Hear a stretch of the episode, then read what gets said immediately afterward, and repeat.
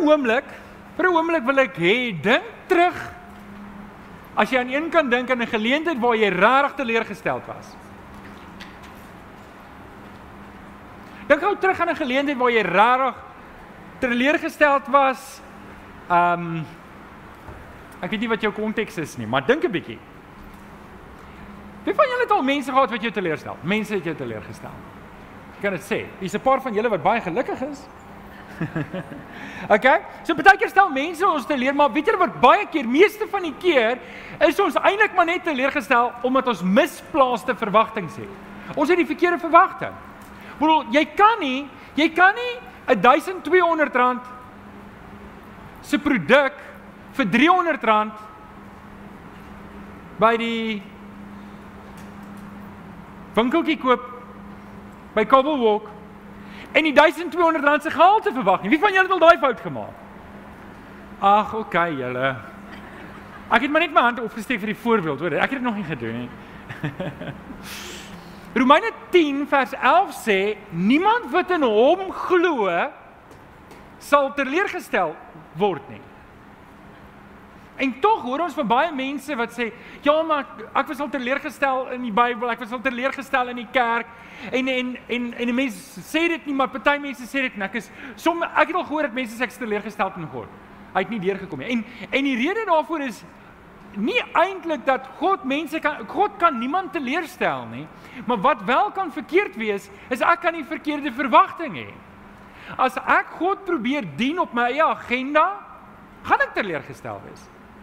Net soos wat ek soms teleurgestel is omdat ek misplaaste verwagtinge het. As jy hierdie vers vat wat sê niemand wat in hom glo sal teleurgestel wees, moet jy twee verse teruggaan om te kyk waarvan is Paulus besig om te praat. En hy sê net die vorige vers, wel, kom ons lees eers gou hierdie. Ek het hierdie woord net 'n bietjie anders gesit en julle kan dit dalk saam met my lees. Daar niemand wat sê ek het 'n ander woord daar verwagting in Jesus stel sal teleurgestel word nie. Lees hom gou saam met my. 1 2 3. Niemand wat sê in sal teleurgestel word nie. Nou kom ons gaan net twee verse terug, dan lees ons in vers 9 waarvan Paulus hier praat en hy sê as jy met jou mond bely dat Jesus die Here is en met jou hart glo dat God hom uit die dood opgewek het, sal jy So eintlik waarvan daai vers praat is is ek en jy, wie van julle sê Jesus is my koning?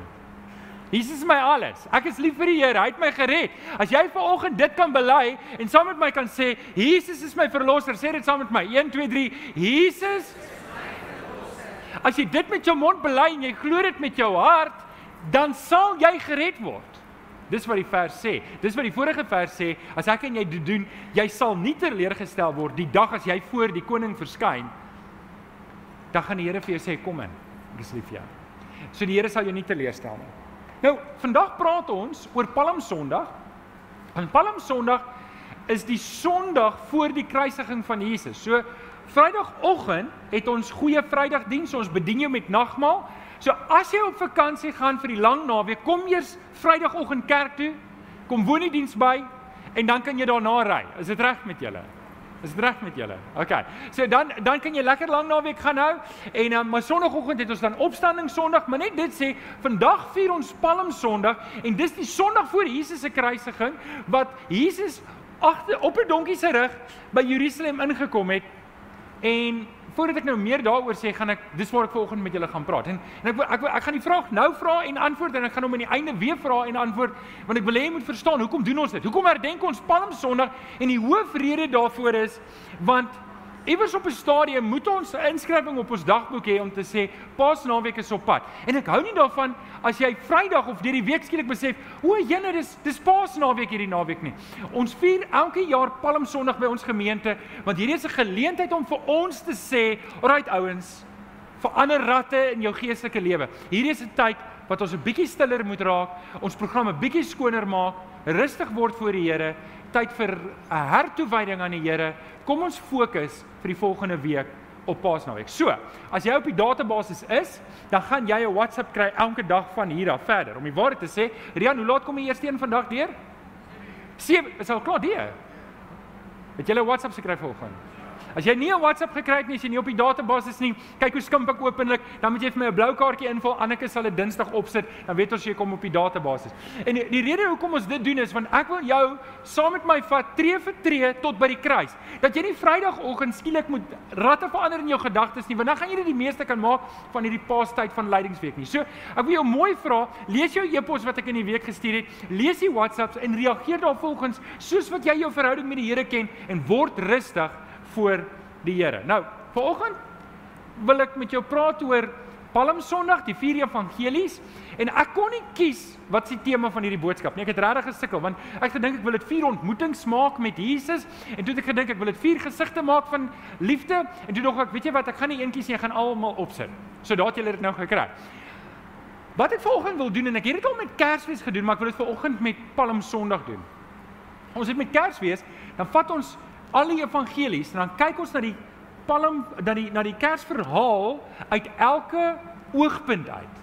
Nou ek het nou nie vir um, waar is my foto van Domie Chris? Het ek nou heeltemal oor begin? OK. Kom ek gaan eers terug. Sorry julle. Sorry. Is julle weer by? So okay, dis die tema van vanoggend. Dis waar ons gaan praat. Ons gaan kyk van die verskillende areas of die verskillende skrywers uit hulle oogpunt uit elke elke evangelie en hoe hulle Palm Sondag beleef het. Julle gaan nou sien wat ons daar gaan doen. So dink julle dis moontlik om in die Here teleurgestel te wees? Julle wil nou sê nee, Maar dit is moontlik. Ek kan teleurgesteld wees in jou, nie omdat jy iets verkeerd gedoen het nie, maar omdat ek 'n verkeerde verwagting het. Stem julle saam? Is dit moontlik? So in daai konteks is dit moontlik om teleurgesteld te wees in die Here, nie omdat hy iets verkeerd gedoen het nie, maar omdat ek heeltemal die verkeerde verwagting het. En dis dis baie duidelik belangrik vir die res van die boodskap wat ek wil hê moet in gedagte hou. En die, en die hoofrede daarvoor is is mense het hulle eie agendas. Mense het hulle eie agendas. Weet julle, dit is so, elkeen van ons het ons eie motief wat ons hart dra, ons eie agenda en en ons baie keer is ons in verhoudings met sekere mense juis met dit in gedagte en nie alles van is sleg nie, maar baie van dit kan sleg wees. En kom ek vat net 'n paar voorbeelde. Dink gou aan die massas wat agter Jesus aangeloop het wat Jesus gevoer het. Onthou jy die 5000 en toe op 'n stadium bly die mense agter Jesus aanloop en Jesus sê hierdie woorde vir hulle: "Julle kom agter my aan omdat ek julle kos gegee het." En nou moet ons weet, Jesus kom by Jerusalem in op die donkie en wat doen die mense? Hulle gooi hulle klere, hulle breek palmtakkies en hulle roep almal uit Hosanna, Hosanna, Hosanna. En hier is hier dieselfde mense, maar het hulle eie agenda. En ons gaan nou net daaroor praat. OK? Die tweede groep mense was Jesus se disippels. Dink julle hulle het ook hulle eie verwagting gehad? Hulle verwagting het hulle openbloot met Jesus kommunikeer deur om hom heeltyd te vra: "Here, wanneer vestig jy die koninkryk? Wanneer kan ons hierdie Romeine bloedneus gee? Wanneer kan ek en ek bedoel van die disippels se maat na hulle toe kom? Ek dink is Jakobus en ehm um, Johannes sê sê sê sê maar, hoorie Jesus, Here kan kan Johannes en Jakobus in die koninkryk een aan die linkerkant, een aan die regterkant sit. So hulle het beslis 'n verwagting gekoester dat Jesus 'n aardse koning gaan wees en hulle gaan Hulle gaan in die hulle gaan in hulle gaan in die raadsaal sit. Hulle gaan daar saam met Jesus om die tafel sit en hom bedien met raad. Dink julle hulle kon teleurgesteld gewees het? Ek dink so. Dan was daar die Romeinse soldate. Hulle het gehoor van al hierdie rumoer van Jesus wat kom. Hulle het geweet hier kom moeilikheid. En wat het hulle gedoen? Hulle wou so vinnig as moontlik hierdie probleem oplos en en dit het gelei tot die kruis. Hulle het hulle eie verwagting gehad, hulle eie agenda gehad en natuurlik die groot rolspelers hier soos die Fariseërs en die Sadduseërs Hulle het hulle eie agenda gehad. Hulle wou hulle wou Jesus uit die pad kry. Om die waarheid te sê, die skuldigste party van almal hier is hulle want Nikodemus bely teenoor die Here Jesus in Johannes 3: "Here, ons weet dat U van God gestuur is." En ons steeds doen hulle hierdie dinge. Nou oké, okay, hoekom sê ek vir julle al hierdie goeters? Ek sê vir julle al hierdie goeters want dit mag wees dat ek en jy vanoggend hier sit en ek het 'n verkeerde agenda 'n verkeerde motief in my hart vir hoekom ek die Here dien. En as ek 'n verkeerde agenda het, as ek 'n verkeerde motief het, enigstens anders is om uitverkoop aan Jesus te leef, mag ek dalk teleurgestel word. Want Jesus gaan nie die bloot die feit dat ek 'n verwagting het teenoor hom, dit uitgee vir my nie. Want ons moet sy koninkryk soek, nie ons eie koninkryk nie. Nou oké. Okay. Dis hoekom die tema vanoggend um, Palm Sondag is en ek gaan met vier evangelies kyk en ek ek wil dit dalk verduidelik want julle het dalk die evangelies gelees. Het jy wie van julle het al deur al vier evangelies gelees? Steek gou op Jan, ek wil net sê. Okay, en julle sal agterkom, partykeer dan praat Lukas en hy sê elkeen het 10 ag elkeen het een goue muntstuk gekry en die ander evangelies sê daar was 5 en toe 2 en toe 1 en wie van julle het al gewonder hoekom verskil dit so? Wie van julle het al gewonder hoekom verskil dit so? Nou ek gaan vir julle nou 'n kort weergawe gee. Maar voordat ons dit doen, gaan ons eers opstaan. Staan saam met my op. Staan saam met my op. En ehm um, hou jou Bybel lekker hoog in die lug en sê lekker hard saam met my. Dit is my Bybel. Ek is wat dit sê ek is. Ek het wat dit sê ek het. Ek kan doen wat dit sê ek kan doen. Met my mond bely ek. Met my hart glo ek dat Jesus die Here is. Amen. Amen. Jy kan sit. Baie dankie.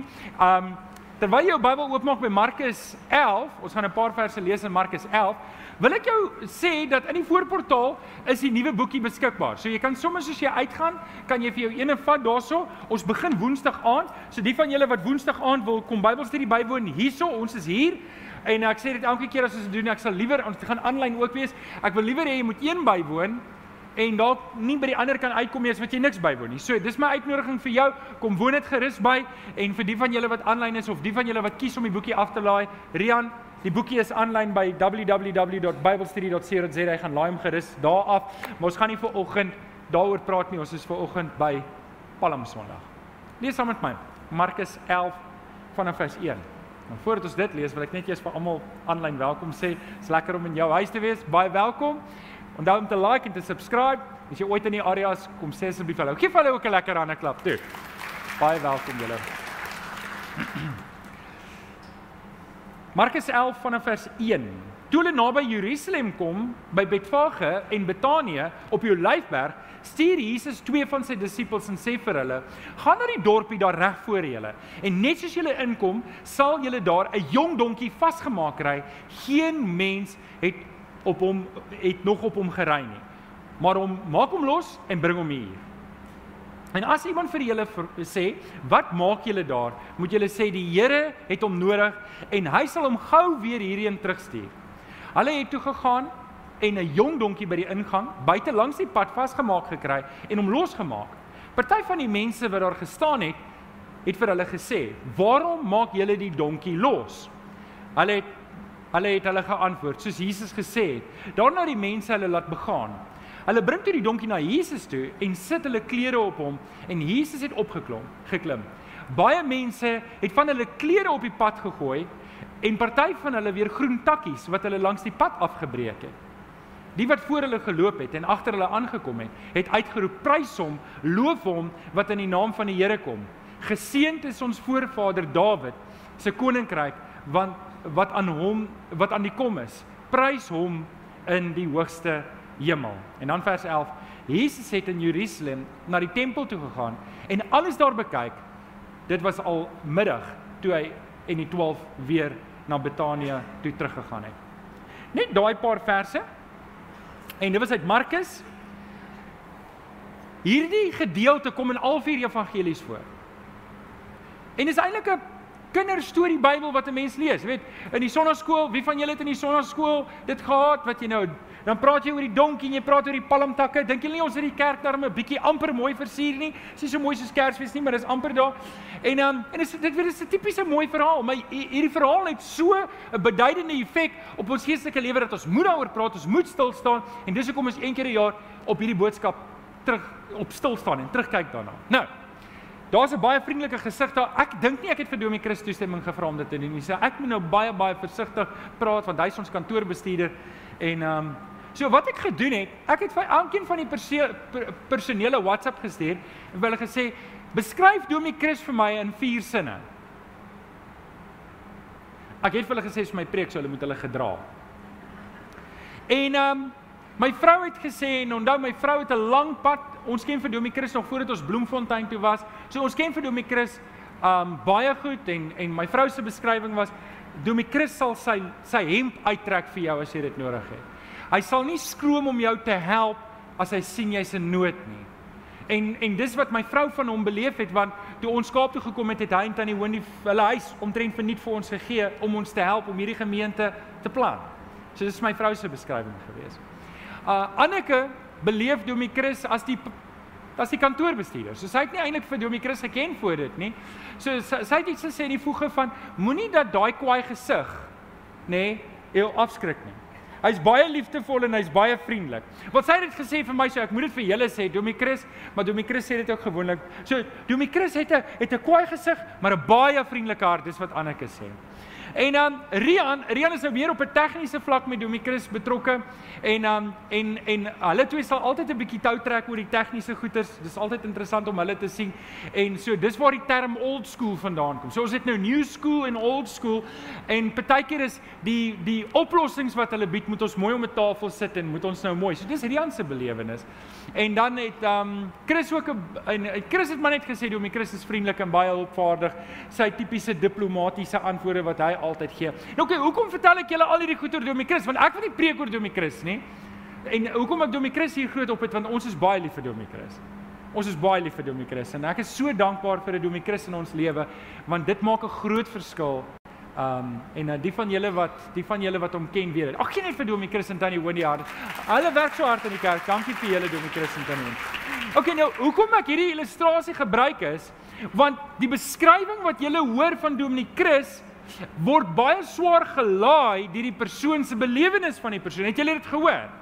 Nou ek het dit nie opgemaak nie, dis op my foon, ek kan dit vir julle wys. En net so moet julle weet, wanneer Matteus skryf, dan skryf hy van 'n sekere perspektief af, van 'n sekere belewenis wat hy het van Jesus, uit sy verhouding met die Here Jesus. Net so skryf Markus en net so skryf Johannes en net so skryf Lukas. Elkeen uit daai spesifieke ondervinding. En so met ander woorde, wanneer jy die evangelies lees, moet jy altyd probeer luister, wat hoor ek van Markus in Markus se evangelie? Wat hoor ek beskryf hy van Jesus? Jesus. Ons het vier evangelies, vier gesigte van liefde, juis sodat ons 'n gebalanseerde idee kan kry van wie Jesus is. En elke keer wanneer dieselfde verhaal in al vier evangelies te voorskyn kom, moet dit ons aandag gryp en sê hier is belangrik vir die Here. Die Here wil hê ons moet aandag neem, uh, aandag gee hieraan en ons moet dit in al vier evangelies gaan lees sodat ons die volle prentjie kan hê. En ek kan ongelukkig nie al vier met julle lees nie, maar ek gaan vanoggend probeer om al vier met julle te hanteer. Is reg met julle? Gaan ons dit doen? Verstaan julle wat ek probeer doen? So, ons kom by Matteus. Matteus beskryf die hele Jesus kom op die donkie in uit 'n agtergrond van hy skryf vir Jode en hy wil hê julle moet weet, die Jode moet weet dat Jesus werklik die koning is wat in die Ou Testament voorspel is. So Matteus doen baie moeite om baie profeseë aan te haal en hy en hy maak, maak baie moeite om vir want hy skryf vir Jode, hy wil vir die Jode sê, luister, julle moet wakker skrik. Hierdie is die Messias wat moes kom. En so wanneer jy Jesus op die rug van 'n donkie in in, in Matteus lees inkom, dan moet jy dit in gedagte hê. Jy moet dit sien. Matteus sien hom as die beloofde Messias, die koning wat op die troon van Dawid moet sit. En ons lees dit ook in Matteus 21 vers 5. Hy sê vir Sion, kyk, jou koning kom na jou toe. Hy's nederig en hy ry op 'n donkie op die vul van 'n pakdier. Nou, is dit nie 'n mooi prentjie daai nie? Matteus was 'n belastinggader. Dit beteken hy het vir die keiser gewerk, maar daar was ander implikasies ook daarvan en die probleem van 'n belastinggader is ons is geneig om nie van hulle te hou nie. Jy hoef nie baie lank om 'n braaivleisvuur te staan en te hoor hoe negatief mense voel oor SARS nie, nê. Sê hulle vat ons geld maar hulle maak nie die paaie reg nie. Ek weet nie of julle gehoor het nie, maar dis dis Jan van Riebeeck se skuld dat die paaie in Bloemfontein so sleg lyk.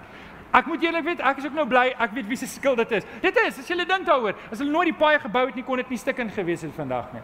Nou okay, soos wat ons baie keer voel oor belasting, So het hulle gevoel. Die probleem was, hulle het nooit daai geld gesien nie. Hulle moes nog tempelbelasting ook betaal. So, hulle tempelbelasting betaal om die tempel aan die gang te hou en hulle het hierdie sekulêre be belasting betaal aan die Romeinse keiser. En enige iemand wat belasting verteenwoordig was 'n vyand. So Matteus was 'n vyand geweest. Hulle het nie van hom gehou nie. En hier kom Jesus en en hy kom na Matteus toe en hy sê vir hom net hierdie woorde: "Volg my." En weet julle wat doen Matteus? Dis asof hy sy pen in die lug laat val, alles neersit en Jesus volg. Weet julle die wonderlikste ding, die wonderlikste ding wat ek gesien het in my lewe is wanneer iemand tot bekering kom en hy laat alles as te ware net so in die lug val en hy begin Jesus volg. En ek weet dis 'n klomp van julle wat so bekering gehad het. Jy het so, jy was een oomblik in die wêreld en die volgende oomblik is jy 100% uitverkoop. Kyk, baie mense kom tot bekering dan vat dit hulle 'n rukkie. O, oh, hulle sukkel nog met hierdie sonde, sukkel hulle nog met daai sonde. Maar party mense, hulle hulle kom so onmiddellik tot bekering. Hulle verander onmiddellik heeltemal en en dis die beste manier om te sny met jou ou lewe is net om te sê, dit is genoeg, dis verby. Ek stap agter Jesus aan en en, en Matteus het so bekering gehad. En en is wonderlik en is kosbaar. So Ma Matteus het geweet wat dit beteken om vir die keiser te werk. En ek dink in sy kop het hy gesien, ek werk nie meer vir die keiser nie. Nou werk ek vir die koning. Ek het 'n upgrade gekry. En weet jy nie, dit beteken nie jy moet jou werk los om vir die Here te leef nie. Dis 'n hartsbesluit om te sê, ek werk nie meer vir 'n baas nie. Ek werk net vir die koning. Ek werk nie meer vir die keiser nie ek werk vir die koning. En dit is wat Matteus by ons wil tuisbring. Jesus is die koning wat op hierdie donkie se rug inkom. En en hy kom nie om oorlog te maak nie, want dis wat 'n koning baie keer doen. Kyk as die koning na jou toe kom, dan moet jy weet hy het die mag om jou op daai plek dood te maak. En Matteus sê nee nee nee, hy kom op die donkie se rug want hy wil vrede hê. En en hier's die ding wat ek en jy vandag moet huis toe vat. Wat Matteus vir jou wil sê is, ek weet nie waar jy is met die Here nie. Ek weet nie waar jy staan met die Here nie, maar vanoggend moet jy hierdie ding vasmaak. Die Here Jesus wil vrede hê tussen jou en God die Vader. Die Here Jesus kom in Jerusalem in en hy's op pad kruis toe. Hy's op pad om vir jou te sterf. Ons gaan nou-nou meer daaroor praat en dit doen hy omdat hy vrede wil hê tussen jou en God die Vader. Hy het daai plan kom maak. Hy kom hy kom as 'n koning na, met op 'n donkie na jou toe, nie om jou te oordeel nie, nie om jou aan te val nie, nie om nie om regte laat geskied nie, maar om jou te roep tot bekering en te sê volg die koning en wees uitverkoop aan die Here Jesus toe hulle Jesus gekruisig het, dis deel groot deel van Matteus se verhaal, het die inskrywing Enre in Grieks, Jesus Nazarenos Rex idhorum. Ek weet nie dis Latyns uh, wat hulle later dan so vertaal het, maar wat het gesê Jesus van Nasaret is die koning van die Jode. En Jesus wil vandag my en hy wil jou koning wees.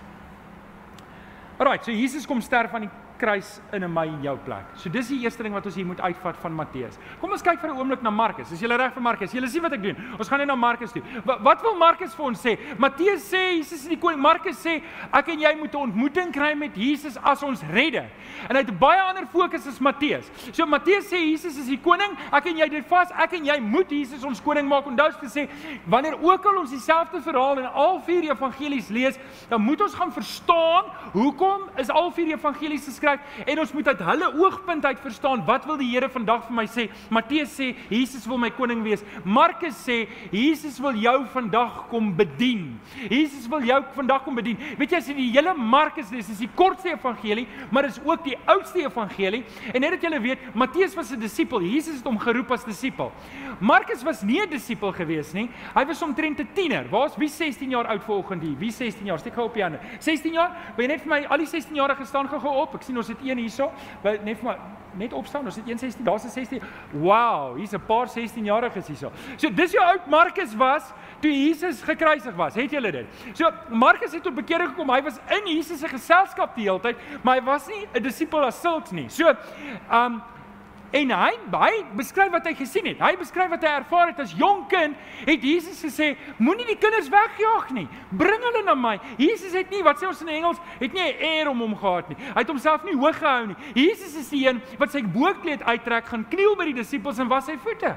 Dit moes 'n geweldige indruk op Markus gemaak het dat Jesus is hierdie absolute nederige persoon en al die wonderwerke en jy moet dit gaan lees in die Bybel. Al die wonderwerke in Markus word beskryf in 'n magtige vorm, maar meer is die fokus op hom wat die mens bedien. Jesus ontmoet 'n mens, hy genees hom. Jesus ontmoet 'n mens en hy ontmoet nog 'n mens. Hy hy beskryf Jesus as hierdie absolute mensemens wat mense wil ontmoet. En hier's die ding wat ek en jy moet uitvat. Jesus wil jou ontmoet waar jy is. Is jy in 'n krisis? Markus is vol van dit. Mense wat in krisisse is en hulle is hulle is hulle is uitgeworpe is of wat dit ook al is, maar Jesus ontmoet hulle daar. Hy's die een wat hom homself nie hoog en verhewe hou nie. Hy's die een wat homself verneder en mense kom bedien. Markus 10 vers 45. Die seun van die mens het ook nie gekom om gedien te word nie, maar om te dien en te lewe, sy lewe te gee as losprys vir die mense. En dis uiteindelik die hoofding wat die Here wat Markus vir my en jou wil gesê. As Markus vanoggend was, sê hy vir gesê, weet jy wat?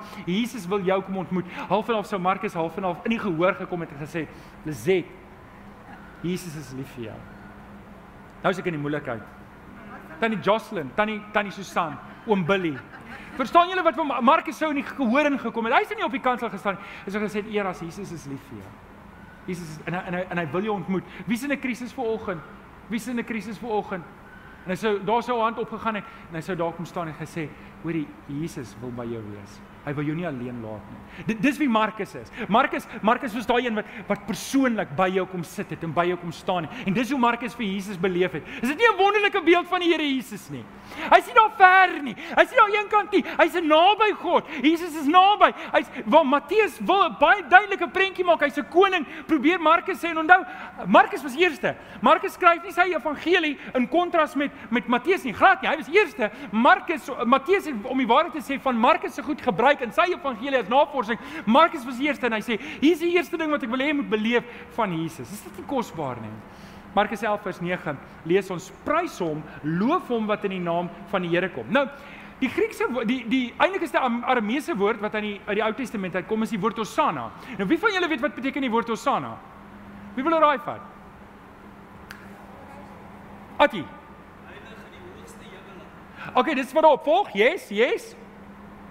Maar dit is maklik, is moeilik nie. Prys hom, né? Nee? Hosanna beteken maar sê Aramees as as ons nou gesê prys hom en dan was 'n Hebreër langs ons dan sê hy gesê Hosanna. OK? Maar dis nie die oorspronklike betekenis nie. Die oorspronklike betekenis is Here red ons. Dis die oorspronklike betekenis van Hosanna. Dit het later in die liturgies opgeneem geword om te sê, weet jy, sê prys hom, prys hom en wonderlik. Maar sit dit nou in die konteks wat Markus het skryf vir hierdie mense terwyl Jesus op die donkie se rug inkom en die mense roep, Hosanna, Hosanna, Hosanna, prys hom wat in die naam van die Here kom. Prys hom want hy is die redder. Prys, hy is die een wat ons van ons probleme gaan verlos. Hy is die een wat ons gaan optel. En ek wil vanoggend vir jou sê, ek weet nie wat jou probleme is nie. Ek weet nie wat se gat jy sit nie. Ek weet nie wat jou uitdagings uitdagings is nie. Ek weet nie wat stikkend is in jou lewe is of wat seer in jou lewe is of wat skeef uitgedraai het nie, maar jy kan ver oggend uitroep na Jesus en sê Hosanna, Here, red my. Here, red my. Here, kom verander my, kom help my en kom kom raak my aan waar ek is. Ek wil ver oggend hê met Palm Sondag moet jy 'n verwagting in jou hart kry dat Jesus staan nie een kant ver van jou nie, maar hy kom staan by jou en hy kyk jou in die oë en jy moet sy nabyheid en sy liefde en sy omgee beleef. Sê 'n bietjie prys die Here. Kan jy sê Hosanna? Kom sê Hosanna, Hosanna. Hosanna in die hoogste. Amen. Prys die Here se naam. So dis wat dis wat Hosanna beteken Sagaria 9 vers 9. Net julle weet, hier is die profesie wat in vervulling gaan in al vier hierdie verhale. En dis wat almal aanhaal. Matteus haal dit natuurlik die sterkste aan om 'n sekere punt te maak om te sien, hoor die ouens, dit wat julle in die Ou Testament sien gebeur het, dit kry nou vervulling hier. Markus doen dit bietjie met 'n ander um met 'n ander aanslag. Jy kan dit self gaan lees, maar ek wil net die profesie ook lees in Sagaria 9 vers 9. Jou koning sal na jou toe kom. Hy's nederig en hy ry op 'n donkie op die hingsvol van 'n donkie en ek dink dit is wat Markus die sterkste uitbeeld is. Hy is nederig. Hy kom ontmoet jou waar jy is. OK. Nommer 3. Lukas. Ontmoet Jesus die waardige. Ontmoet Jesus die waardige. So Matteus beskryf Jesus as die koning, Markus beskryf Jesus as die dienskneg, Lukas beskryf Jesus as die perfekte offer die een wat waardig is. Dis hy wat hier op hierdie donkie aankom. En um en miskien moet ek net eers vir hulle sê wie's Lukas, want min mense weet, maar Lukas was nie 'n disipel nie. Om die waarheid te sê, Lukas het waarskynlik onder Paulus se bediening tot bekering gekom. So Lukas is die enigste een van hierdie vier ouens wat Jesus waarskynlik nooit persoonlik ontmoet het nie. Ons het geen aanduiding dat hy Jesus ooit persoonlik ontmoet het as mens nie. Hy het Jesus natuurlik as verlosser ontmoet. En hier maak 'n koneksie vir my en jou wat belangrik is vir my en jou. Nou, ons weet nie alles van Lukas nie, maar dit mag baie maklik wees dat Lukas nie eers 'n Jood was nie, dat hy dalk half Griek was. Met ander woorde dat hy uit die heidene tot bekering gekom het, maar ons weet dit nie, maar dit lyk tog so. En en die rede daarvoor is want Lukas fokus op die heidene. Wanneer jy Lukas lees, dan kom jy die hele tyd agter Lukas maak die deur die hele tyd oop. Matteus hou die deur so half en half toe want hy praat met Jode en hy sê die Here wil die Jode red. Jesus is die Messias. Maar Lukas, hy wil die deur oopgooi. Hy wil sê ons moet sendingwerk doen. En onthou, Lukas het nie net Lukas geskryf nie, hy het Handelinge ook geskryf. En in Handelinge gooi die deure oop en hy sê, weet julle op Paulus, die groot man van God het op 'n stadium gekom en gesê, "Jode, ek is klaar met julle. Ek gaan heidene toe. Ek gaan net daar werk en en van daar af fokus die res van Handelinge omtrent net op die heidene, op die Grieke en die, en en en in Lukas se hart borrel dit om te sê, julle dan moet 'n passie wees. Dan dan moet iets wees in ons hart vir die verlorenes. Nou, Lukas was 'n gesiene man. Hy was 'n dokter, hy was 'n geneesheer. En en en is wonderlik om te sien dat dat die Here hierdie man gebruik in hierdie konteks as teoloog. Want weet julle wat's belangrik van Lukas? Hoekom dit vir ons as teoloë belangrik is om 'n Lukas evangelie te hê? Want dit is eintlik die evangelie met die minder emosie in. Dis meer feite. Lukas het deeglik navorsing gedoen, alles nagevors. En want hy moes vir Lukas se vir Paulus se verdediging skryf. So dit was 'n baie meer gestruktureerde brief. Dit was 'n baie vol, dit is ons volledigste evangelie en dit sê vir ons alles. So as jy die hele evangelie wil hoor, die volledigste evangelie wil hoor, dan lees jy Lukas en jy kry dit hier uit 'n man wat soos ek en jy is, wat Jesus ontmoet het nadat hy mens geword het. Sien, ek en jy kan kyk na Lukas, ag na Markus, ons kan kyk na Matteus en ons kan kyk na Johannes en sê ja, maar hulle het 'n wat sê ons in Engels 'n unfair advantage. Hulle het Jesus persoonlik geken, maar Lukas het Jesus ontmoet soos wat ek en jy Jesus ontmoet het deur om tot bekering te kom en om aan te neem in geloof. En dis kosbaar. Dis kosbaar. daarmee kan ons identifiseer. Nou sê Lukas 19 vers 38. Hulle het gesing: Loof die koning, hy wat in die naam van die Here kom, vrede in die hemel en eer aan God in die hoogste hemel. Nou, Lukas doen moeite om Jesus te beskryf as die perfekte offer. Was niks fout met hom nie. En dis nogal noemenswaardig omdat Lukas 'n dokter was en dokters wie van julle gaan na jou dokter toe? Maak 'n konsultasie afspraak en gaan sit by hom en sê, "Dokter, ek wil net vir jou seks gesond." Daarsies gebeur dit. Skalk gebeur dit vir jou. Nee, en ek kry hulle dokters jammer. Mense kom sit nie by jou en sê, "Hoor, ek wil net vir jou sê dit gaan goed nie." nee, hulle kom as hulle siek is, nê. Nee. En dan dan hou jy daar sies hou jy jou masker op as hulle kom, want jy weet nie wat bring hulle daar in nie, nê. Nee. Um sommer net 'n grappietjie. Maar Lukas wat wat 'n geneesheer is, hy kyk anders na mense as wat ek en jy na mense kyk. Hy kyk na die gesondheid, hy kyk na die wel um die welstand.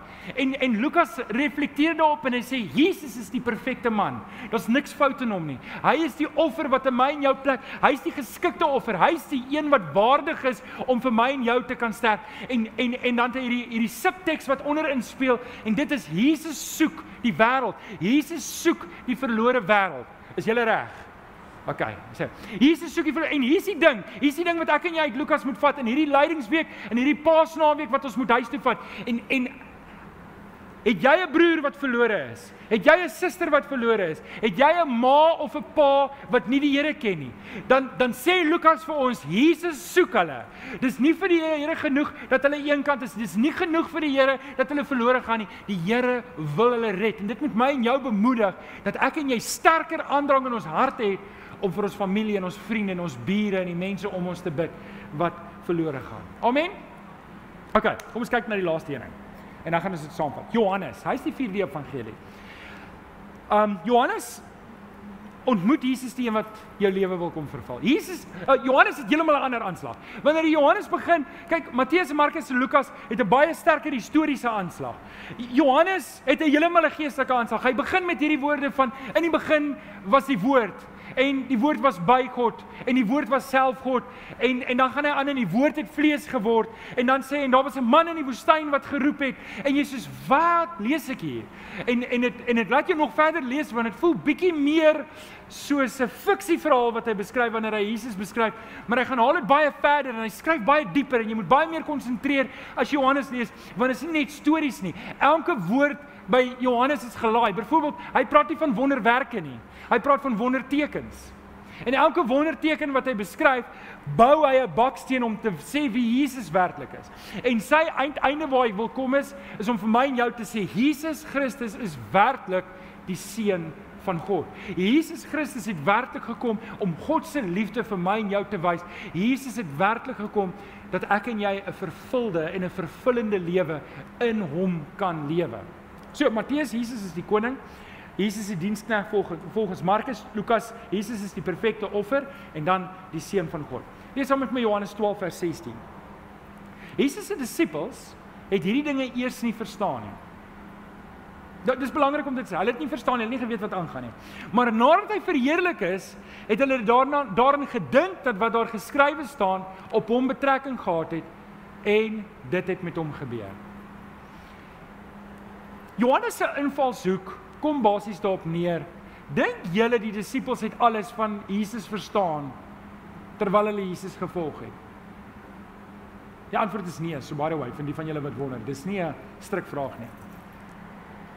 Ek en jy hoef nie alles van die evangelie 100% te verstaan om kinders van die Here te wees nie. Onthou jy toe jy 4 jaar of 5 jaar oud was, 6 jaar oud was, toe roep jy 'n pa jou in? Toe sê hy ek gaan nou vir jou verduidelik hoe werk die budget. Sê die kar kos soveel, versekerings kos soveel, jou ma kos my soveel. Het dit gebeur? Nee. Nee, so Party van ons is jonk in die geloof en ons verstaan nog nie alles nie. Dis oukei. Okay. Jy hoef nie alles te verstaan. Kyk, dit maak dit makliker as jy goed verstaan. Jy weet as as as my kinders verstaan dat geld groei nie op my rug nie, dan is dit makliker vir my om vir hulle nee te sê. Jy weet, want sê, "Wai, wil jy self jou goed gaan koop?" nou, net so vir my en jou, hoe meer ons verstaan van die werking van die Heilige Gees, hoe meer ons verstaan van die werking van die Here, hoe meer ons die woord verstaan, hoe makliker is dit om om om volwasse op te tree in die Here. Maar al verstaan ek nie alles, jy kan ek nog steeds die Here dien. En Johannes maak dit baie duidelik van die disippels. Die disippels het Jesus gevolg al het hulle nie alles verstaan nie. En dalk sit jy vanoggend hier en jy sê Johan, ek verstaan nie al die goeters nie. Vanoggend se boodskap, al wat ek weet, daai donkie het ingekom en ek weet Jesus op pad kruis toe. En en dis genoeg vir my. En jy's lief vir Jesus, dan is dit genoeg vir oggend. Weet jy, die wonderlike ding van ons van ons van ons van die evangelie en van ons Here is dat dat liefde oortref alles wanneer ek lief is vir die Here, dis al wat werklik saak maak. Dis al wat werklik saak maak en vir oggend wil Johannes by my en by jou weet het ek en jy God se liefde aanvaar. Johannes 3:16 Want so lief het God die wêreld gehad dat hy sy enige gebore seun gegee het sodat die wat in hom glo nie verlore sal gaan nie na die ewige lewe toe. Kan ons aangaan na vers 17? Vers 17, ken julle vers 17? Hy het nie sy seun na die wêreld toe gestuur om dit te veroordeel nie, maar om dit te red. Dis die hoofboodskap van Johannes. Wanneer Johannes Jesus beskryf op die donkie inkom, dan kom die redder in wat ons lewe wil volmaak. Johannes 10 vers 10: 'n Dief kom net om te steel, te slag en uit te roei. Maar ek het gekom sodat jy lewe kan hê in in Jesus gee vervulling. Nou kyk. Kom ons kom ons sluit af. Sagaria 9 vers 9. Dis waar die hele Pas um, Palm Sondag gaan. Jou koning kom na jou toe. Hy's nederig en hy ry op 'n donkie op die hingsvol van 'n donkie. Dis hierdie koning wat inkom. Ons het vier gesigte van lief, uh, van liefde. Matteus wil ver oggend by my en jou aandring. Jesus wil jou koning wees. Gaan jy hom aanvaar as jou koning? Gaan jy hom seggenskap gee? Gaan jy hom autoriteit gee in jou lewe? Gaan jy totaal en al oorgee aan die Here en sê Here, ek wil nie meer my eie agenda volg nie, ek wil U agenda volg. Markus vra iets anders van ons. Hy sê, man, meld aan, sit dat Jesus jou voete was. Sit dat die Here jou bedien met sy liefde. Hy wil jou redder wees. Lukas kom en sê, ek en jy moet hom aanvaar as die perfekte offer. Daai kruisdood was genoeg om jou van jou sondes te vergewe. Dis genoeg om jou te red. Aanvaar hierdie en dan kom Johannes en sê Jesus wil hierdie verhouding met jou hê. Hy wil hê jy moet God se liefde beleef. Hy wil hê jy moet weet dit wat aan die kruis gebeur het was werklik aan jou. So oké. Okay, ek sluit hiermee af. Ken of jy kan vorentoe kom. Waarom doen ons Palm Sondag? Weet julle hoekom is Palm Sondag vir my belangrik? Palm Sondag is vir my belangrik want dis nou die tyd wanneer jy weet jy gaan oor 'n kilometer van die N1 afklim want jou jou jou afrit kom nou en jy begin klaar spoed verminder. Jy gaan klaar van die vinnige baan op die R300 van die derde baan af na die eerste baan toe en jy verminder klaar spoed want jy weet jou afrit is hier. Palm Sondag is vir my 'n oomblik wanneer ek net kan sê, okay, julle dis Paasnaweek. Paasnaweek kom. Kom ons maak ons harte kom ons berei voor. Kom ons rad af. Kom ons stap 'n bietjie briek. Kom ons kry gereed om 'n ontmoeting te hê met die Here. Kom ons kom met 'n verwagting Want Romeine 10 sê niemand wat sy verwagting in die Here stel sal teleurgestel word nie. Amen. Amen. Vriende, jy gaan in die week gaan jy boodskappe kry en dis vir my belangrik dat jy dit moet kry. As jy nie boodskappe van die kerk kry nie, beteken jy's nie op die database nie. Vul daai kaartjie in. By die infotafel is daar 'n houtboks. Gooi hom daarin. Jy gaan ongelukkig nou eers Dinsdag op die database kom, maar dis wanneer Anneke werk. Maar dan um, liewer dat jy opkom en daarom die laaste deel kry, maar kom ons stap saam, tree vir tree tot op die kruis. Kom met 'n verwagting. Kom in jou hart, brei jou hart voor in hierdie week om werklike ontmoeting te hê met die Here Jesus Vrydagoggend. Kan ek vir jou bid? Kom ons bid saam. Vader, ek dank U dat dat ons hier by mekaar kan wees en Here, dankie dat ons u woord kan aanhoor en en kan hoor van verskillende perspektiewe. Here, dat ons kan hoor by Markus, dat ons kan hoor by Matteus, dat ons kan hoor by Lukas en by Johannes en en Here dat ons 'n prentjie kan opbou van wat u vir ons wil hê en wat u vir ons op die pad waarop u ons lei en Here, hierdie is so belangrike week, leidingsweek en Here, ons wil ons wil u eer met alles in ons. Ons kom vra vir oggend. Kom brei ons harte voor vir 'n spesiale ontmoeting met u ook in hierdie Paastyd. Ons dankie daarvoor kinders van die Here sê? Amen. Baie dankie. Kom ons staan. Kom ons staan en sing ons saam.